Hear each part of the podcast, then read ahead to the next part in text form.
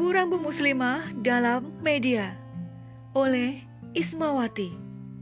Berbicara tentang media, saat ini media adalah salah satu sarana yang ampuh dalam menyebarkan informasi.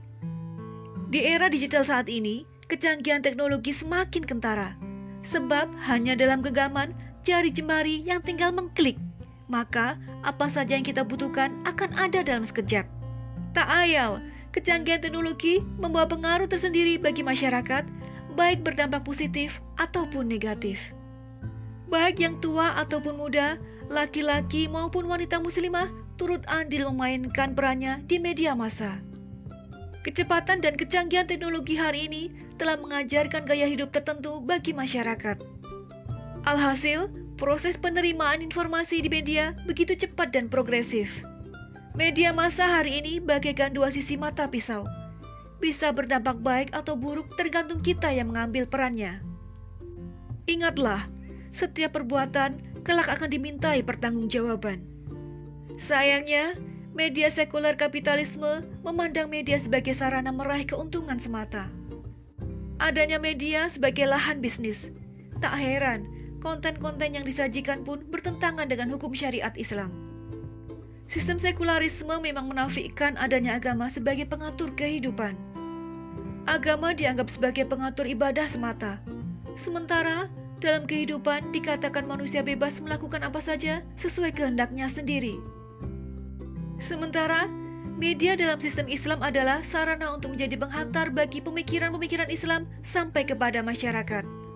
Dengan kata lain, keberadaan media memiliki peran strategis untuk melayani ideologi Islam, khidmat al-mabda al-islami, baik di dalam maupun di luar negeri. Oleh karena itu, media digital sejatinya menyimpan potensi kebaikan dan potensi bahaya.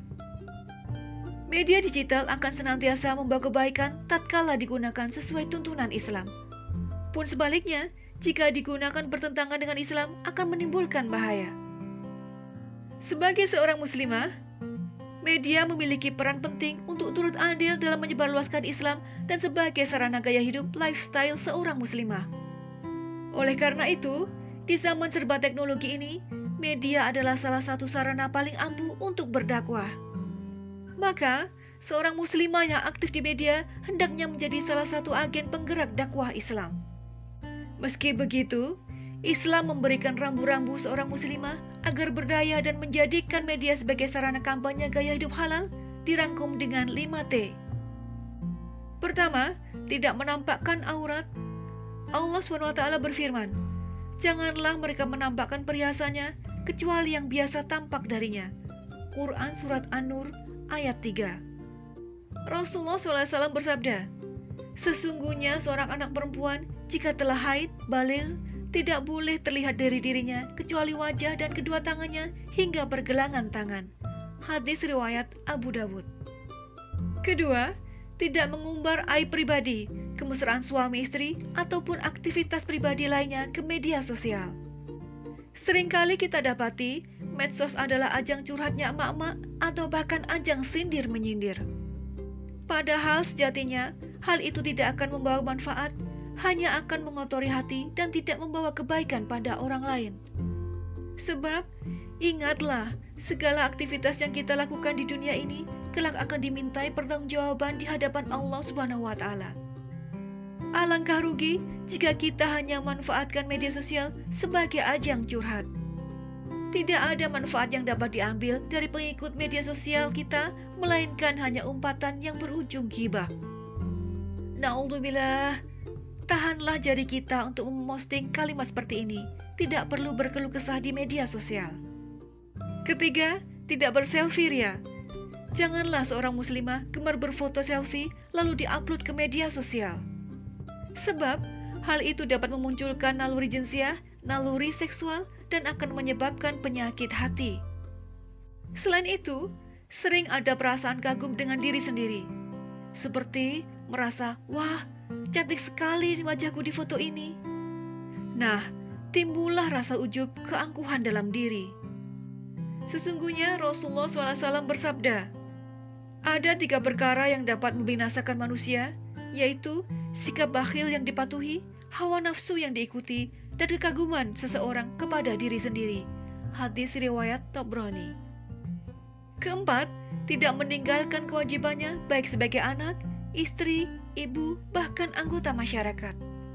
Artinya, meskipun kita aktif berkiprah di sosial media, kita tidak boleh meninggalkan kewajiban kita di dunia nyata. Jangan sampai medsos dapat melalaikan kewajiban kita sebagai anak, istri, ibu, bahkan masyarakat. Punya jam khusus untuk sekadar memantau media sosial, misalnya agar bisa membatasi kegiatan di media sosial agar tidak melalaikan kewajiban. Kelima, tidak bertransaksi yang haram. Keberadaan media sosial agaknya menjadi salah satu sarana jual beli yang efektif. Seseorang dapat melakukan transaksi dengan mudah. Oleh karena itu, jual beli yang kita lakukan harus terikat dengan hukum syarak atau tidak terkait dengan riba. Tidak melakukan akad penipuan ataupun menjual barang haram. Dengan demikian, sudah saatnya kita menjadi muslimah yang berdaya. Muslimah yang dapat menjadi penggagas kebaikan, menjadikan media sebagai lahan dakwah sekaligus menjadikan muslimah perempuan yang sukses dunia dan akhirat, menebar manfaat sesuai tuntunan syariat, mendakwahkan Islam, dan menjadi agen perubahan agar media dapat dimaksimalkan fungsinya sebagai penyebar agama Islam. Wallahu alam bisawab.